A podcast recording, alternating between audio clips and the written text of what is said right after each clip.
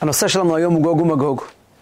נושא שמפרנס... אה, הפטרת... אה, הפטרת סוכות, נכון.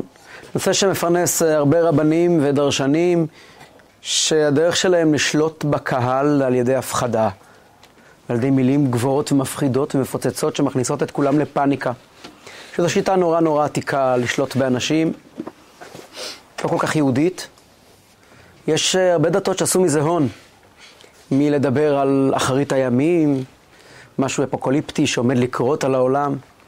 גם אה, לא רק דתות, גם אה, דברים שהם לא דת אה, למיניהם ולסוגיהם, עסוקים בלהפחיד אותנו במה יהיה כאן מחר ומחרתיים, ואוי ואבוי לאיפה כל העולם הולך.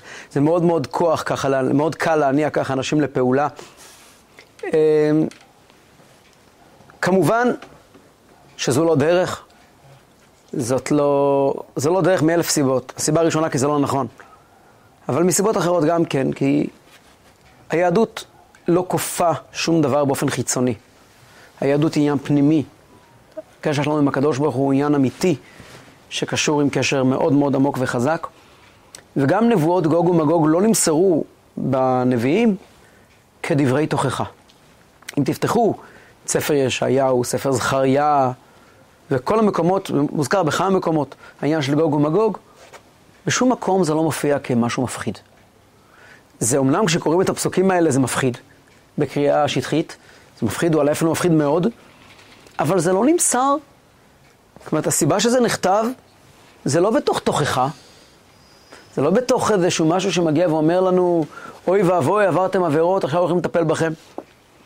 תמיד זה סביב משהו שבא לספר לנו על תהליך שהעולם עומד לעבור, שהסיום שלו, כדברי הנביא זכריה, והיה ביום ההוא, והיה השם למלך על כל הארץ, ביום ההוא יהיה השם אחד ושמו אחד. זה פסוק שנאמר בנבואת גוג ומגוג. אז כן, יש לפרשת גוג ומגוג הרבה פרשנות, אה, פשט פשוטה זה דבר נורא מפחיד. אה, אומות העולם מגיעים לארץ ישראל, ויהיה מגפה נורא, ומותו מלא מלא אנשים, ו- וממש מילים מפחידות. ואז אה, הר הזיתים ייבקע, ועוד כל מיני דברים שבאמת נראים מפחידים. והקדוש ברוך הוא יקום וינקום את נקמתו מכל הגויים, ואז, או, ביום ההוא יהיה השם אחד ושמו אחד, ויגיע יום חדש. אבל, מעבר לזה שנבואות לרעה לא חייבות להתקיים על פי הלכה כפשטן, וההוכחה הכי בולטת לזה, זה שהקדוש ברוך הוא ניבא לאברהם אבינו, לברית בין הבתרים, גר יהיה זרעך בארץ לא להם, ועבדום ועינו אותם ארבע מאות שנה. והנבואה הזו לא התקיימה. בני ישראל היו במצרים בסך הכל 210 שנים, לא 400 שנה. יש הסברים איך הגענו ל-400 שנה. מלידת יצחק, יש פסוק 430 שנה, מרגע ברית בין הבתרים. אבל לפועל לא היו 400 שנה במצרים. 210 שנים. שאגב, רוב 210 שנים האלה היו שנות טוב ושובע. רק כשנולדה מרים התחיל השעבוד. כל זמן שלוי היה חי לא היה שעבוד. ורק כשנולדה מרים היה שעבוד, היה שעבוד בסך הכל 86 שנים. זה הרבה מאוד זמן. 86 שנים זה המון זמן, אבל זה לא, זה לא 400 שנה. וזה בגלל שנבואה שהיא לא לטובה, יכולה להתממש בכל מיני דרכים. ובאמת, בספרים כתוב שעם ישראל, כל מה שאמור לעבור בדרך של דם וכאב וייסורים, כבר שילם במה שנקרא ברבגלט, כבר שילם בכסף גדול. היה רב, הרב יחיאל יעקב ויינברג, מחבר הספר שאלות ותשובות שרידי אש, הוא היה יושב ראש, ראש בית המדרש הרבנים לרבנים בברלין, והוא עבר את השואה ברמה לא נעימה, ויש מנהג של עם ישראל, שבפרשת בחוקותיי, פרשת כי תבוא, שקוראים את הקללות, אז הבעל קורא, אתה הרי בעל קורא. אה, מוריד את... אתה בעל תוקע. יש כאלה שכשהם קוראים בתורה הם תוקעים. אז היה, היה, היה פותח, הבן שלך בעל קורא. היה... שני בנים. היה מתחיל את הקללות בשקט, המנהג שמתחילים את הקללות בשקט ובמהירות. רצים, רצים, רצים, כאילו אנחנו נמצאים עכשיו על כביש 6.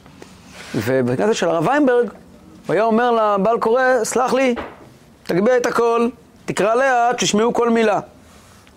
לא מוכן, לא רוצים את זה. שואל אותו, למה? אז הוא אמר, אני אגיד לכם למה. כל הדורות פחדו מהקללות. פחדו מהם פחד מוות. ככה יקרה, וככה יקרה, וככה יקרה. תסלחו לי, הכל כבר התקיים. אין יותר מה לפחד. זה כבר, עברנו את זה. עכשיו צריכים לקרוא את זה בקול, ולהזכיר לקדוש ברוך הוא שהוא הבטיח שאחרי כל אלה יהיה וזכרתי את בריתי יעקב, ואף את בריתי יצחק, ואף את בריתי אברהם, אזכור, והארץ אזכור. להזכיר לקדוש ברוך הוא, ריבונו של עולם, כל זה היה רק... אה, כל זה, כל זה, את כל זה קיימת בהידור, אז יש לנו שלב הבא. אז גם בנוגע לגוג ומגוג, הקדוש ברוך הוא קיים בהידור כל סוגי המגפות והקשיים והחולאים והמלחמות על עם ישראל. עם ישראל עבר בהידור מושלם.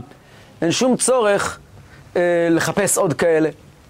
ואני, לפני שאמשיך הלאה, עוד נקודה קטנה בעניין הזה של למה לא כפשוטו. אה, יש לנו אג'נדה. אנחנו לא ניגשים לתורה נקיים. לכל אחד יש אג'נדה. גם לנו יש אג'נדה. והאג'נדה שלנו שיהיה טוב. והאג'נדה שלנו יש לה משמעות הלכתית. בדרך שבה אתה מפרש את התורה, זה מה שיקרה. איפה רואים את זה? רואים את זה בהרבה דברים. אה, רואים את זה למשל ב... בסוגיה של חלומות במסכת אה, ברכות. כל מיני חלומות, וכתוב שאפשר לפתור חלומות ככה, אפשר לפתור חלומות ככה, והכל נכון, השאלה תלך לפותר חלומות, איך שהוא יפתור לך ככה יהיה. זאת אומרת, אתה מחליט איך הדברים מתגשמים. וגם בתורה זה ככה. מאיפה אני יודע את זה? אני ראיתי את זה אצל הרבי. הרבי כל הזמן חיפש לפתור את כל הנבואות ואת כל העניינים לטוב. תמיד חיפש לפרש את זה לטוב, כי כאשר אתה מפרש בצורה מסוימת ואתה יהודי והתורה נמסרה אלינו, התורה היא לא בשמיים, יש לנו יכולת להפך את זה לטוב. ראיתי את זה פעם שהרבי דיבר, באריכות ישנו מדרש מפורסם שאומר שהגאולה של עם ישראל היא מגיעה לאט לאט. כך היא גאולתם של ישראל קמעה קמעה. שהירח, כמו שהירח מגיע לאט לאט, כך היא גאולתם של ישראל. והרבי הזכיר את, את הגמרא הזאת פעם, את החז"ל הזה פעם, הרבי מאוד מאוד לא הסכים עם זה. תמיד הרבי אומר שמשיח יבוא, זה יהיה ברגע אחד, בשעת אחדה, ברגע חדה. לא יקבם אפילו כהרף עין, תמיד הרבי מצטט את המדרש שנאמר בנוגע ליציאת מצרים. שברגע שהגיע הרגע לא יקבם אפילו כהרף עין, ובתוך רגע יצא מעבדות לחירות. תמיד הרבי היה אומר, משיח יבוא, כתוב בפסוקים, שזה יחישנה, זה יהיה מיד. מה יהיה עם הקמעה קמעה? תמיד הרבי היה מתעלם מהקמעה קמעה. פעם אחת שמעתי את הרבי מדבר על קימה קימה, תוך בכי תמרורים. הוא אמר שיחה, עניין שלם, בסיום מסכת פסחים. ופתאום הוא אומר שם, לא משנה, זה נושא רחב שם, שישנה סברה שאומרת שהגאולה צריכה להגיע קימה קימה. תמיד הרבי אומר שהגמרא הזאת היא לא רלוונטית, כי היא לא להלכה. הרמב"ם פוסק להלכה אחרת. פעם הרבי הזכיר ככה, בדרך אגב, שישנה גישה של קימה קימה. הרבי פרץ בבכי והרבי אמר, למה? למה לנו ללכת עם אג'נדה שהגאולה תהיה לאט. אנחנו רוצים את הגאולה מיד, רוצים את הגאולה מהר. אנחנו צריכים ללכת ולהוכיח ולהכריח שזה לא קימה קימה, שזה מיד. זאת אומרת, הכל תלוי בסוף בנו, ואנחנו נכריע. אנחנו קובעים את ההלכה, ולכן צריכים לקבוע את ההלכה שמשיח יבוא מיד, וככה זה לא יהיה באופן תהליכי. יש כל מיני סיפורים כאלה שיש לנו יכולת להחליט איך הדברים, איך הדברים יתבצעו. ובאמת, עם ישראל כבר עבר את כל הצרות. אז להסביר את גוג ומגוג ברמת הפשט, שיבואו לפה מלא גויים לארץ ישראל וילחמו איתנו, כמה אנחנו עייפים ממלחמות. לעם ישראל כבר אין כוח למלחמות. עברנו את כל סוגי הרדיפות, את כל סוגי הגזרות, ואנחנו, כן, יש לנו אג'נדה כשאנחנו קוראים את הפסוקים. אם ישנם אנשים שיש להם אג'נדה לדבר על מלחמה ועל רוע, אני לא רוצה להגיד תהילים אשר להם. אני רק יכול להזכיר שכתוב בגמרא, שכשמדברים על יהודים, מדברים על בנו יחידו של הקדוש ברוך הוא. כל הנוגע בהם, אומרת הגמרא במסכת גיטין, כנוגע בבבת עינו. מדברים על יהודים, בנף של הקדוש ברוך הוא. בעל שם טוב אומר, כל יהודי, הרשע הכי גדול, הוא כמו בנו יחידו של הקדוש ברוך הוא, שנולד לו לעת זקנותו. אנחנו צריכים לאחל רק טוב ליהודים. רק טוב. אין לנו את הרשות ואת הזכות לדבר בצורה שלילית על ממלכת כהנים וגוי קדוש. בפרט שאחרי השואה האיומה, אפילו אם היה נשאר ילד יהודי אחד בעולם, עם ספר תורה ביד, שאומר שמע ישראל, כבר היה מגיע לנו משיח בצדק. כשברוך השם, יהודים עושים הכל מה שהם יכולים, מתקרבים לקדוש ברוך הוא כל כך. איזה, איזה, איזה בכלל יכולת וזכות יש לאדם לבוא ולדבר, חלילה וחס, עניינים של הפך הטוב, ועוד להביא לזה ראיות מפסוקים. כאילו יש פה איזושהי אג'נדה רצינית להוכיח, תקשיבו, יהיה מלחמה, ויהיה... למה? אנחנו צריכים לדבר רק טוב, כי מגיע לעם ישראל אך טוב וחסד. אחרי ההקדמה הזו אפשר לגשת לגופם של דברים. מה זה גוג ומגוג? אז אנחנו נמצאים אה, בשבועות של בראשית, נוח, לך לך. השבועות האלה עוסקים בנושא הזה. אה, נתחיל מהמילה מגוג. גוג זה הנשיא של מגוג. כך כתוב. זה לא גוג ומגוג, זה לא שני אנשים. גוג הוא נשיא מגוג, תבל, מש... אה, משך תובל ויוון. זה אה, האומות שיוצאים. מיפת. שלושה בנים יש לנוח, שם, חם ויפת. כל אחד מהם משקף ציוויליזציה שלמה. שם זה השמים, חם זה האפריקאים, ויפת בגדול, יפת זה, ה... זה הרי אירופה והיוון, תרבות יוון. אדום בעצם? אדום לא, אדום זה שמים. אדום זה עשיו. זה לא ארצות הברית וכאלה? יש בזה כל מיני, לא, בגדול לא. ויש פה בעצם תרבויות שונות, שברוב ההיסטוריה עם ישראל סבל בעיקר משם, מבני ישמעאל ובני עשיו, ומחם, ממצרים, מכל מיני אויבים מהאזור הזה. דווקא מיוון, עם ישראל סבל פחות במובן החומרי. רוחני? במובן הרוחני. נכון מאוד. וזה סוג אחר של סיפור.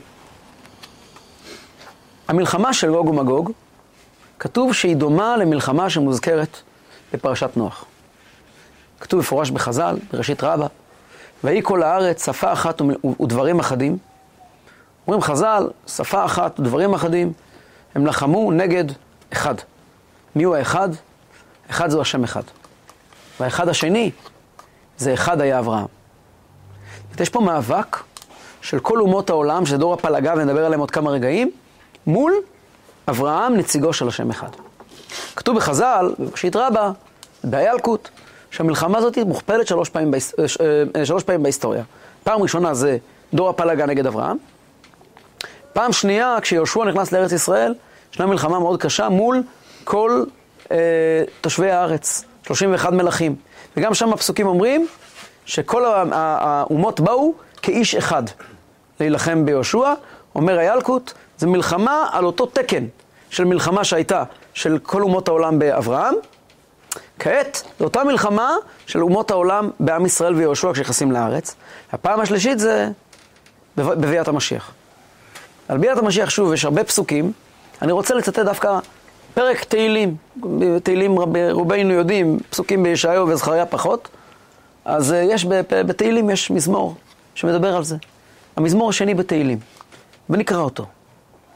למה רגשו גויים ולאומים יהגו ריק? התייצבו מלכי ארץ על השם ועל משיחו. חז"ל לומדים מזה. על השם ועל משיחו, שם זה היה אברהם והקדוש ברוך הוא, השם ועל משיחו, פה זה היה יהושע והקדוש ברוך הוא, וכאן זה יהיה משיח צדקנו, על השם ועל משיחו. מה הם אומרים? ננתקה את מוסרותמו ונשליכה ממנו אבותמו. כתוב בחז"ל, שמוסרותמו זה הולך על, על התפילין. ואבותמו, כן, מוסרות, רצועות. ואבותמו זה הציצית. זה אבותות. יושב בשמיים משחק, אדוני ילעג למו. כתוב בחז"ל שאין שחוק למעלה אלא באותה שעה. אז ידבר אלימו ואפו וחרונו יבהלמו, ואני נסחתי מלכי על ציון הר קודשי. אספרה אל חוק אדוני אמר אליי, בני אתה, אני היום ילידתיך. אני אומר לכם מה הסדר. הקדוש ברוך הוא אומר, למשיח, בני אתה, אני היום ילידתיך. של ממני ואתנה גויים נחלתך, ואחוזתך אפסי הארץ. כל הגויים הם נחלה שלך, והאחוזה שלך זה על כל העולם. תרועם בשבט ברזל, ככלי יוצר תנפצם. תרועם זה תשבור אותם בשבט ברזל, שבט... אה, ככלי יוצר, מה זה כלי יוצר? זה קדים, מבית היוצר. ככלי יוצר תנפצם. ועתה המלכים השכילו, יבשרו שומרי, שופטי הארץ. עבדו את אדוני ביראה וגילו ברעדה. נשקו בר פן יענף ותאבדו דרך כי יבער כמעט אפו אשרי כל חוסה בו. כלומר, תנשקו, ת- תכבדו את הבן של הקדוש ברוך הוא, את, ה, את המשיח. פן יענף והשם יכעס, ואתם תאבדו את עצמכם לגמרי, כי כאשר הוא יכעס, אשרי, אשרי כל חוסי בו. כן? זה הפסוקים שמדברים על אה, הסיפור של אה, משיח. ומדובר פה על איזושהי לידה, אני היום מלידתיך, עיבור שקורה, וזה הסוף שלה, על לידה, רגעי הלידה, אני היום מלידתיך, שמתחוללים בזמן הזה שמשיח מגיע. על מה הם רבים? על השם ועל משיחו, והטענה שלהם ננתקה את מסורותמו ונשליכה ממנו אבותימו. אבותימו. אנחנו נוריד להם את, ה, את התפילין, את החיבור לקדוש ברוך הוא, את הציצית. המלחמה הזו, מלחמה, ויהי מנוסה מקדם, כמו שכתוב על דור הפלגה, הם נסעו מקדמונו של עולם. מה הכוונה? אז נקדיש כמה דקות לדבר על דור הפלגה, משם נעבור לדור יהושע, ומשם נוכל להבין על מה מדברים כשמדברים על משיח צדקנו. דור הפלגה. כשקוראים את הפסוקים בפשט, קשה להבין מה היה בדיוק החטא של דור הפלגה. אבל המפרשים מסבירים, אריכות גדולה ברמב"ן, רבינו בחיי, שנה שעברה מסרתי שיעור ארוך רק על דור הפלגה, אתם מוזמנים לצפות בו. אה, אבל דור הפלגה בגדול, המלחמה שלהם הייתה דווקא מתוך כוח של אחדות. הם, ויהי כל הארץ שפה אחת ודברים אחדים. בשונה מדור המבול, שהיה דור של פירוד ו- וחמאס ומריבה, דור הפלגה ויהי כל הארץ אחת ודברים אחדים. הם למדו שכוחנו באחדותנו. והם יצרו אחדות, שאחדות זה דבר מאוד חזק. אין דבר יותר חזק מאחדות. אחדות, הם איחדו את כל הכוחות של כל העולם כדי להקים עיר ומגדל וראשה בשמיים. מה זה עיר ומגדל וראשו בשמיים? אז מוסבר בספרים בגדול. הנקודה היא שהם חיפשו לברר את שורשי המציאות. הם הגיעו למסקנה של המציאות כולה, שנראית כמו המון המון דברים נפרדים, יש שורש אחד. והם אמרו, בואו נעסוק לא במה שאנחנו רואים, בואו נעסוק בסיבות. וכשהלכו אחורה אל הסיבות, אל השורשים שמחיים את המציאות, קודם כל לחומרים היסודיים שמהם מורכבת כל ההוויה, כן? ארבעת היסודות, או כל מיני דרכים אחרים אה, לספור יסודות ש- שהכל מורכב מהם, יסודות כימיים. הם עסקו בפיזיקה וגם במטאפיזיקה. הם בנו מגדל, כולם יחד, שראשו בשמיים, לטפס אל שורש המציאות, לנקודת האחדות. אל הנקודה הזאת שהכל מגיע ממנה, וזאת תובנה מטורפת. להבין שהמציאות כולה נובעת משורש אחד? אבל, מה יותר קרוב מזה לאברהם אבינו? אברהם אבינו גילה שהעולם כולו מונהג על ידי כל אחד. התגלית הכי מהפכנית בהיסטוריה כולה. על ידי מה? כל אחד. מה זה כאל? אל. אברהם אבינו היה מי שגילה את הקל האחד, את הבורא האחד של, כל, של הכל. הם היו רחוקים ממנו פסיעה. הם דיברו על זה שהעולם כולו מורכב מחומר אחד. חומרים בודדים. הם הולכים ומטפסים על עיר גדולה.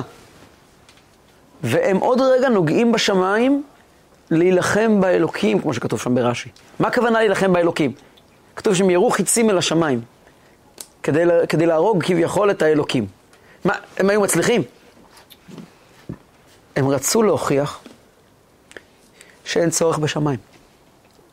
הם רצו לתת הסבר, שהוא אגב נכון, עד גבול מסוים, שכל העולם כולו יושב על תשתית אחת. והתש- והתשתית האחת הזאת היא הפשר לכל המציאות. הכל מתחיל מנקודת אחת, מנקודה אחת. היום כולם יודעים את זה, אבל אז זאת הייתה מהפכה מדעית מטורפת, שאם הקדוש ברוך הוא לא היה מפריד אותם ומבדיל אותם, הם היו מגיעים אז למה שהעולם יודע היום. אלא שהעולם עדיין לא היה מוכן לזה. ואין מלחמה ראש בראש מול אברהם אבינו, שאברהם אבינו מגיע ואומר, חברים, זה לא רק שיש סיבה אחת לכל המציאות, יש גם מסובב אחד לכל המציאות. ולכל זה יש פשר, כל זה הולך מאנשהו לאנשהו, ואת זה הם לא היו מוכנים לקבל, הם רחוקים איזה פסע. אבל זאת הייתה המלחמה שלהם. אחד מול אחד. וזו מלחמה מאוד מאוד מאוד עדינה.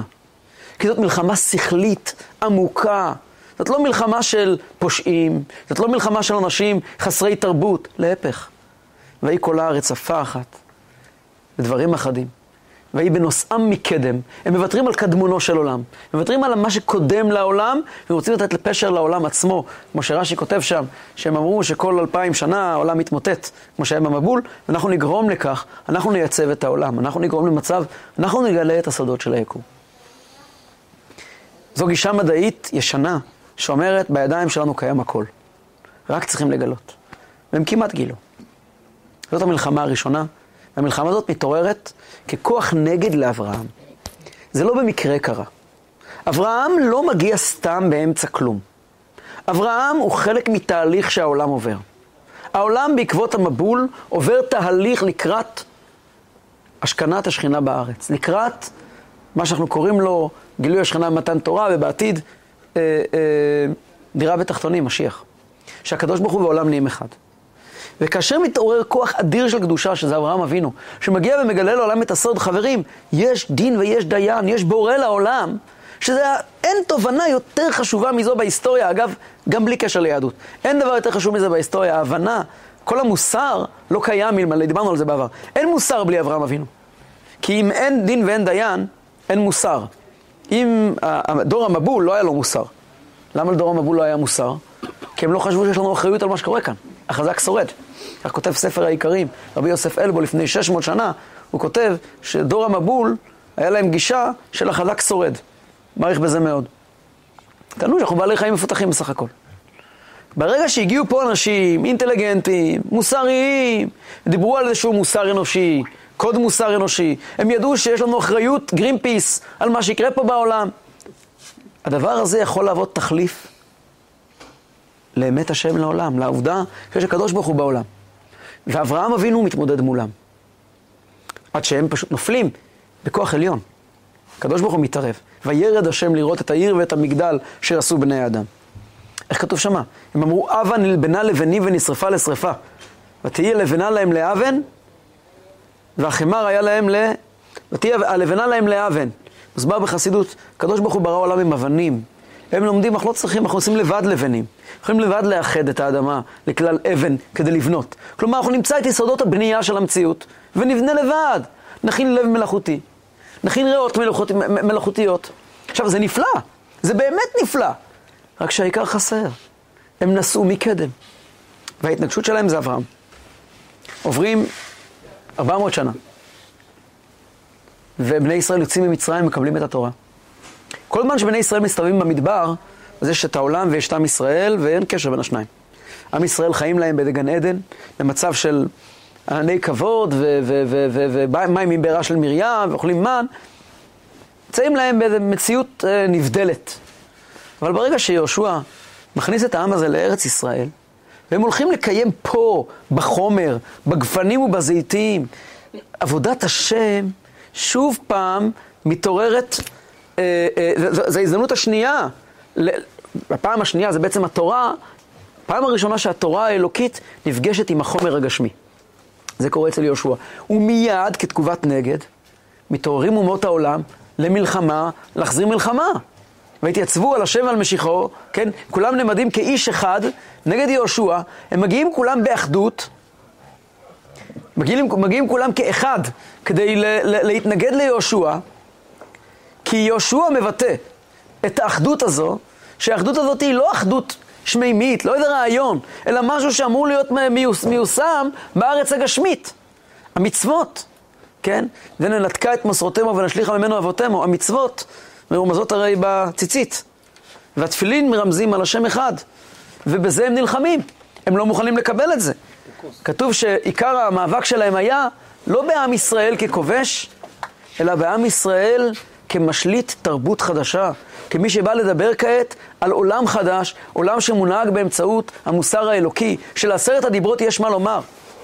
וכתוב שיהושע שלח לכל האומות, שאם יקבלו על עצמם את התורה, את התורה, את, את, את המצוות, את הידיעה, את האמונה בהשם, הוא לא יעשה להם כלום. והם נלחמו על האלילות. הם נלחמו על להישאר לבד, להישאר מנותקים. כי זה מאוד כואב להיות מחויבים למוסר אלוקי. ואת המלחמה הזאת היא מתבשרת, היא קורית בפעם השלישית כשמשיח מגיע. מה זאת אומרת? מה המאבק השלישי? כדי להבין את זה, ניגש לזוהר אחר בפרשת, לזוהר בפרשת נוח, על פסוק אחר לגמרי. בפרשת נוח נאמר, בשנת 600 שנה לחיי נוח, נפתחו מעיינות תהום רבה וארובות השמיים נפתחו והיה גשם על הארץ. הזוהר מפרש שיש כאן נבואה על העתיד. בשנת שיט מאה לשתיתה, שנת 600 לשישי, ייפתחו מעיינות החוכמה, ארובות החוכמה העליונה ומעיינות החוכמה התחתונה, ויתקן העולם לקראת משיח. אם מחפשים את זה בקלנדר, זה יוצא בערך, מתחילים לספור משנת 500, ל, ל, ל, ל, מסוף 500 שנה לאלף השישי לבריאת העולם, מגיעים תקא, כן, שנה אחרי, התחלה, תק, תק זה 500, עוד טיפה אחרי זה מתחיל 600. 501 זה כבר התחלה של 600. זה יוצא בערך 1760, 1761, תק, תקא, שזה תקופת הבעל שם טוב.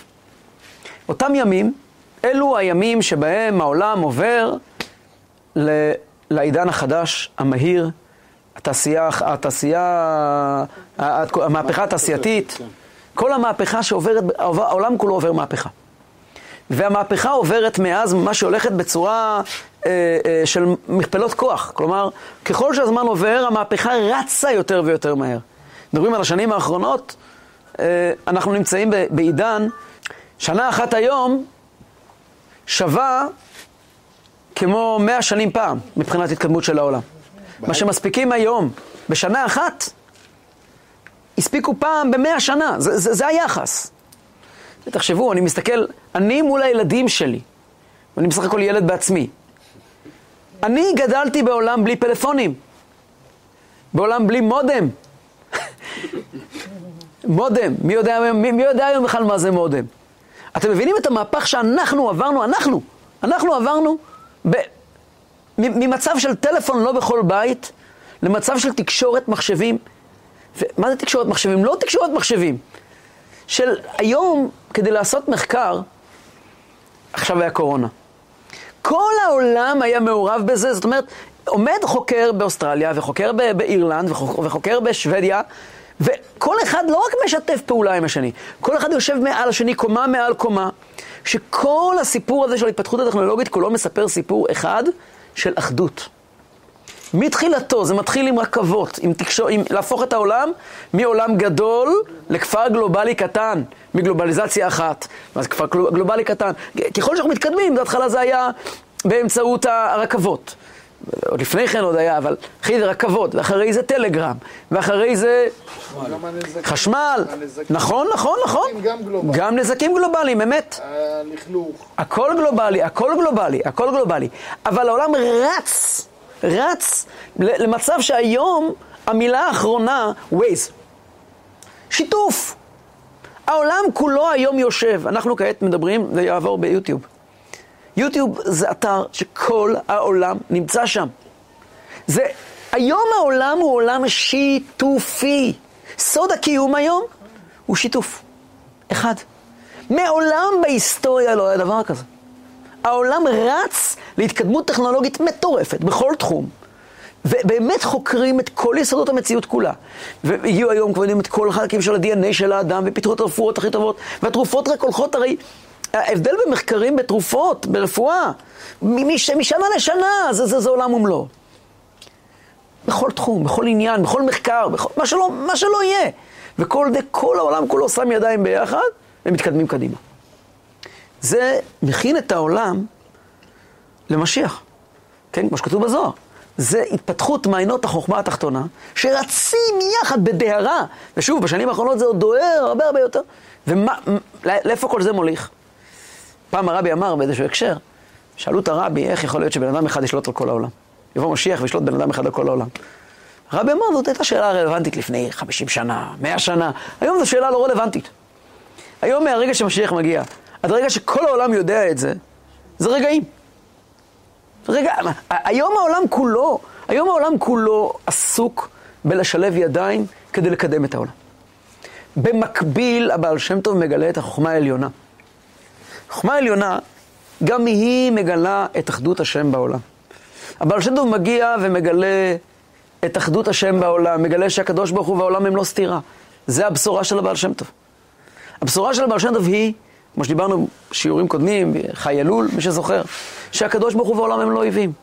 האדמו"ר הזקן ממשיך את זה, וכל החסידות בעצם מגיעה ומגלה את הרובד הנסתר שבתורה. את מעיינות התורה הפנימיים, ומספרת, עד היום חשבת שיש תפילין ומזוזה ושבת ודברים שונים, והחיים שלי זה בכלל דבר נפרד, ופתאום מתגלה שכל זה זה אחד, אחדות אחת שקשורה לוויה ביום ההוא יהיה השם אחד ושמו אחד. זה תהליך מקביל. עכשיו, התהליך הזה, יש בו ממדים של סתירה, של מלחמה, אבל גם ממדים של שילוב. ונדבר על שניהם. יש כאן בפירוש מלחמה. וכתוב בספרים הקדושים שאת מלחמת גוג ומגוג ניהל מהבעל שם טוב עד משיח. זה התנהלות מלחמת גוג ומגוג רוחנית. זאת אומרת, יש בעולם מקום שמגיע ואומר, אנחנו יכולים להסתדר בלי. במשך ה-250 שנים האחרונות, האנושות רצה לכפירה שלא הייתה דומה לה. דווקא בשנים הכי האחרונות, האנושות עוזבת את הכפירה. אבל לפני כן, הקומוניזם, ה, לא משנה, בכל, בכל מיני מקומות בעולם, הגישה, הגישה המדעית שהלכה והתפתחה מאוד מאוד, ו, ו, ו, וגילתה את האחדות בעולם, עסקו ב, ב... פתאום הפיזיקה הפכה להיות פיזיקה מודרנית, ו, והמדע נהיה המדע המודרני, ומגלים תרופות אמיתיות, ומגלים את שורשי המציאות האמיתיים, ויש בהחלט שני פנים, יש את המאבק. המאבק זו הכפירה שהייתה בעולם מאז הבעל שם טוב. לפני הבעל שם טוב העולם כולו היה דתי. בטח העולם היהודי. וגם העולם הגוי. בגדול העולם היה דתי, העולם האמין במוסר דתי. החל מהבעל שם טוב מתחילה ההשכלה העולמית. מתחילה התעוררות האומות, אביב, האומ... אביב העמים. מתחילה האמנציפציה. מתחיל תהליך של, של אה, אה, אה, ליברטי. כל הסוגיה של שוויוניות, של אחווה, שאלו מה שהולידו את כל התנועות, כל האיזמים של המאה ה-19. כל אלה מגיעים ומדברים על אחדות. ו- ו- וזאת התנגדות ל- ל- ל- לתורה, התנגדות ל- להשם אחד ושמו אחד. מצד שני, הבעל שם טוב קידש מלחמה באמצעות, מה זה מלחמה? מאבק רוחני. באמצעות הנחלת הרעיון, התודעה של השם אחד, בכפירה הזאת. ואני אסביר איך. הבעל שם טוב הגיע עם שיטה חדשה לגמרי. וזאת שיטת משיח. זה ממש בשנים, זה כמעט על רגעים. זה מקביל, ההתפתחות העולמית ממש מקבילה כמעט ברגעים. ואני אתן כמה דוגמאות קטנות, כי זה כבר קשור לחג הבא שמגיע אלינו, י"ט כסלו. כשהעולם מדבר על שוויון ועל חירות, כל הרעיונות הגדולים של נפוליאון, שאגב, כתוב שרבי מנחם מנדל מרימינוב התפלל שנפוליאון יהיה גוג ומגוג. אדמו"ר הזקן התפלל שלא. אדמו"ר הזקן אמר שאנחנו עדיין לא מוכנים לזה. שהוא יהיה גוג ומגוג, אדמו"ר הזקן מאוד פחד שאנחנו לא נעמוד בזה, שהוא יצליח. ולכן ידוע שאדמו"ר הזקן מסר את נפשו שנפוליאון הפסיד במלחמה. אבל כתוב ש, שרבי מנדל מרימינוב התפלל שנפוליאון יהיה גוג ומגוג, כי יש לו את כל הנתונים. הוא בא להפיץ בעולם את בשורת השוויון והחירות. כן, האדמו"ר הזקן ממש לחם בזה, האדמו"ר הזקן אמר שעם ישראל עדיין לא, לא, לא, לא כשיר לזה. ו- והוא צריך לעבור איזשהו תהליך. אגב, את התהליך הזה הרבי השלים, שהרבי טען שצרפת אה, היא שלנו. הרבי הפך את צרפת ואת ה... ואת ה... הרבי לא פחד מה, מהחירות ומהשוויון, להפך, הרבי הנחיל דרך זה ערכים של תורה ויהדות, כפי שכבר כבר, כבר נדבר, כבר נגיע לזה. כמה מילים להבדל, באמת, מה, מה, מה חידשה החסידות בתוך כל החלל הזה? נבין את העומק של, של, של המלחמה הזאת בין, בין, בין גוג ומגוג ל, ל, למשיח. חסידות זה משיח. כשהעולם מגיע ואומר, מדבר על ערכים של, של, של, של, של שחרור. עולם ישן, עולם של צמיתים ואדונים, אנשים היו רגילים לעבוד בשביל מישהו.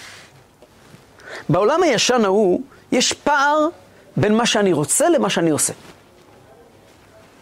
הליברטי והתהליך שהעולם עובר ב-200 שנים האחרונות משחרר את האדם. ואומר לאדם, תעשה מה שבא לך. ואם אתם רוצים להבין כמה שזה חזק, תסתכלו על ההבדל בין איך שההורים שלכם חינכו אתכם, לאיך שאתם מחנכים את הילדים שלכם. רוב ההורים לא מסוגלים להגיד, לילדים שלהם לא, כי הם לא מאמינים ביכולת שלהם לומר לא. הליברטי כל כך חזק אצלנו היום ב-DNA, אצל כולם, שאובדן סמכות הורית, כמו שכתוב בגמרא, שבעקבתא דמשיחא חוצפא איסגה, יש מצב שאי אפשר לעמוד מול הבא לי והמתחשק לי של ילד ושל מבוגר. הדבר הזה, שמגיע אנשים ואומרים, אני לא מאמין יותר בשלטון היחיד, לא מאמין יותר בכוח של החזק יותר, רק בגלל שהוא חזק יותר הוא ייתן לי מכות. עכשיו, לפני שאני ממשיך הלאה, חשוב לי מאוד להדגיש, אני לא מגיע ממקום של נגד. אני לא נגד ההתפתחות של העולם. אמרנו, כתוב בזוהר, זה התפתחות לקראת משיח. יש בזה קלקולים, וכבר נראה איך מתקנים אותם. אבל זו התפתחות חיובית, שהעולם משתחרר מעריצות, מדיקטטורות, שהיום העולם הוא מקום משוחרר ברובו. שהיום היום אה, לבנים ושחורים, I have a dream, וכולם יכולים לנסוע באותו אוטובוס, זו התפתחות מטורפת של אחדות, חיובית. זה שהיום ילד קטן יש לו דעה, נכון, יש בזה גם אלמנט של חוצפה, אבל גם יש בזה, היום ילדים מובילים שינויים חיוביים מאוד. היום לכל אדם יש זכות בחירה. היום נשים וגברים שוות לכל, שווים לכל דבר ועניין. היום העולם באמת התקדם קדימה, מכל בחינה שהיא. אלא שליהדות בלי הבעל שם טוב אין מה לומר לעולם כזה. כי היהדות הישנה היא יהדות של דיכוי. מה זה דיכוי? דיכוי היצר. אני, בא לי א', בא לי ב', בא לי ג', ניגש לספר ראשית חוכמה, חובת הלבבות, או כל ספר אחר, והוא אומר לי, דע לך, זה אסור, ואסור לך לעשות מה שאתה לא רואה, מה שבא לך בראש. והוא מדבר בשפה שכל העולם דיבר, כי זאת הייתה השפה הישנה. יש אותי ויש אמת, והאמת תכפה את עצמה עליי. שזה בעצם מה שיהושע ביקש לעשות, לכפות את האמת על ארץ ישראל. זה מה שהתורה ביקשה לעשות, מתן תורה. מהתורה הגיעה ואמרה, אני נותנת לכם חוקים ומצוות, ומשפטים כדי ליישר אתכם. וככה מתנהל העולם עד שהגיע המהפך של הבעל שם טוב ושל הדור הזה של, של גוג ומגוג. ברגע שהגיע הדור של גוג ומגוג, אנשים לא מסוגלים לקבל מרות. אף בן אדם, אתה יכול לומר לבן אדם, תקשיב, יהיה לך גיהנום גדול בעוד 70 שנה שתמות, חכה לך מלאך גדול בשמיים עם אלף עיניים, ייתן לך מכות. סלח לי אדוני, מעונש מהשוטר אני לא מפחד מזה, אני אפחד. אתה מדבר איתי על אנשים ששוטף פלוס חיים. איפה? על מה אתה מדבר? אני ממתי? אני רגיל מהבוקר עד הערב לעשות מה שבא לי. מה פתאום עכשיו אני אעשה מה שבא לתורה רק בגלל שזה אמת? אני לא כופר בתורה, אני מודה שהיא אמת. אבל לכן מה? לכן מה? אני לא מסוגל, אני כל החיים שלי עסוק בלעשות מה שבא לי. אני הולך בבוקר, אני רב עם הבוס שלי, היום העובד הוא הצודק ולא, ולא, ולא המעסיק, והלקוח צודק ולא המוכר. אנחנו נמצאים בעולם שבו הפרט הוא המרכז, והכלל מדבר יחד, ואין מלכות. אז איך אתה, איך כתוב שם בחז"ל? המלכות תהפך למינות. אין מקום לשלטון של, של דיכוי, של מלמעלה למטה, של הנחתה. אין מקום לזה בעולם שלנו. מגיע בעל שם טוב ואומר, יהודי, אני אגלה לך את הסוד. יש בך נשמה. אתה, אתה, אתה. לא משהו מלמעלה, אתה. זה הטוב שלך.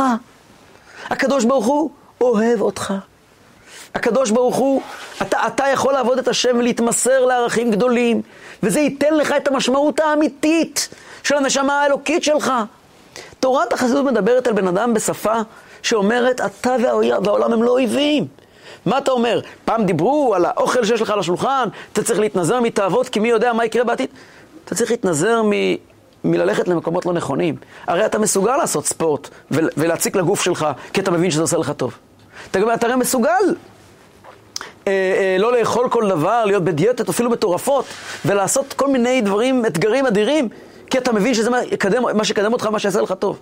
עכשיו תבין שהטוב האמיתי שלך זה הקדוש ברוך הוא. מגיע ספר התניא ואומר לבן אדם, תקשיב חבר, אתה נשלחת לעולם עבור שליחות עליונה. והשליחות הזאת יכולה למלא אותך בכזה, כל כך הרבה משמעות, שאתה תוותר על החיים הפשוטים שלך, של עצמך, אתה תהיה מוכן להתמסר לאמת, אפילו שלא על מנת לקבל פרס. אתם יודעים למה? כי בדור שלנו אנשים מחליפים עבודה כל יומיים, כי כבר כסף לא מעניין. היום אנשים מחפשים משמעות. היום אנשים מחפשים אתגר. היום אנשים מחפשים להתמסר למשהו גדול. היום אנשים מוכנים להפקיר את עצמם בשביל משהו שירגישו, הנה אני שווה. זה דבר שלא היה קיים בשיח לפני 200 שנה. אומר הבעל שם טוב, זה בדיוק השפה שאתה צריך לדבר. תבין שאתה, הבעל שם טוב, אדמו"ר כן בתניא, כל החסידות. תבין שאתה שליח של הקדוש ברוך הוא לעשות בעולם הזה טוב. ובשביל זה אתה יכול לוותר גם על הטובה האישית שלך, וזה לא נגדך. כי זאת, זה המימוש הכי אמיתי שלך. זו שפה חדשה לגמרי. זו שפה של השם אחד ושמו אחד. והמהפכה הצרפתית מקבילה בהתפתחות שלה לפרסום ספר התניא, לכניסת, לי"ט כסלו, ליציאת אדמו"ר הזקן מהכלא, וכל השיח הוא מקביל. וככל שהשנים עוברות, הרבי למשל לימד אותנו, תמיד דיבר בשפה, הרבי, הרבי פעם כתב למישהו שאני הקדמתי את המהפכה הפמיניסטית.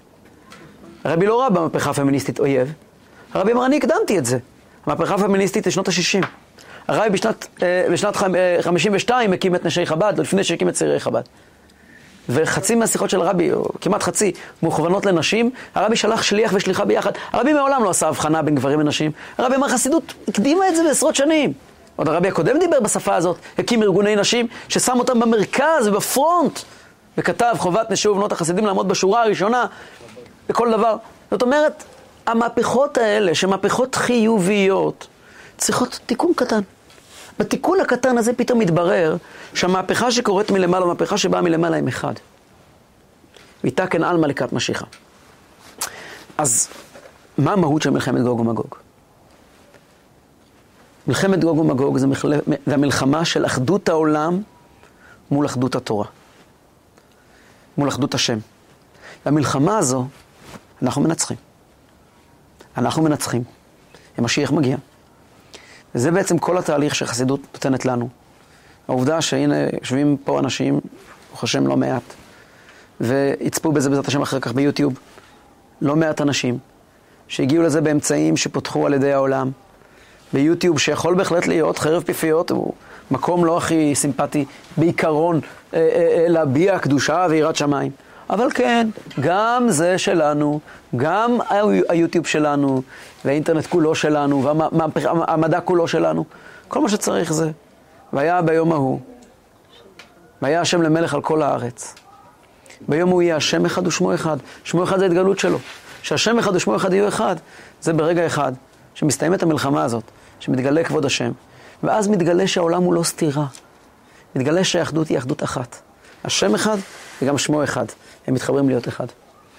מעניין שבחסידות, במאמרים של אחרי שמחת תורה, המאמר הראשון של שבת בראשית, מדבר על השמיים החדשים והארץ החדשה, שהקדוש ברוך הוא יברא בביאת משיח.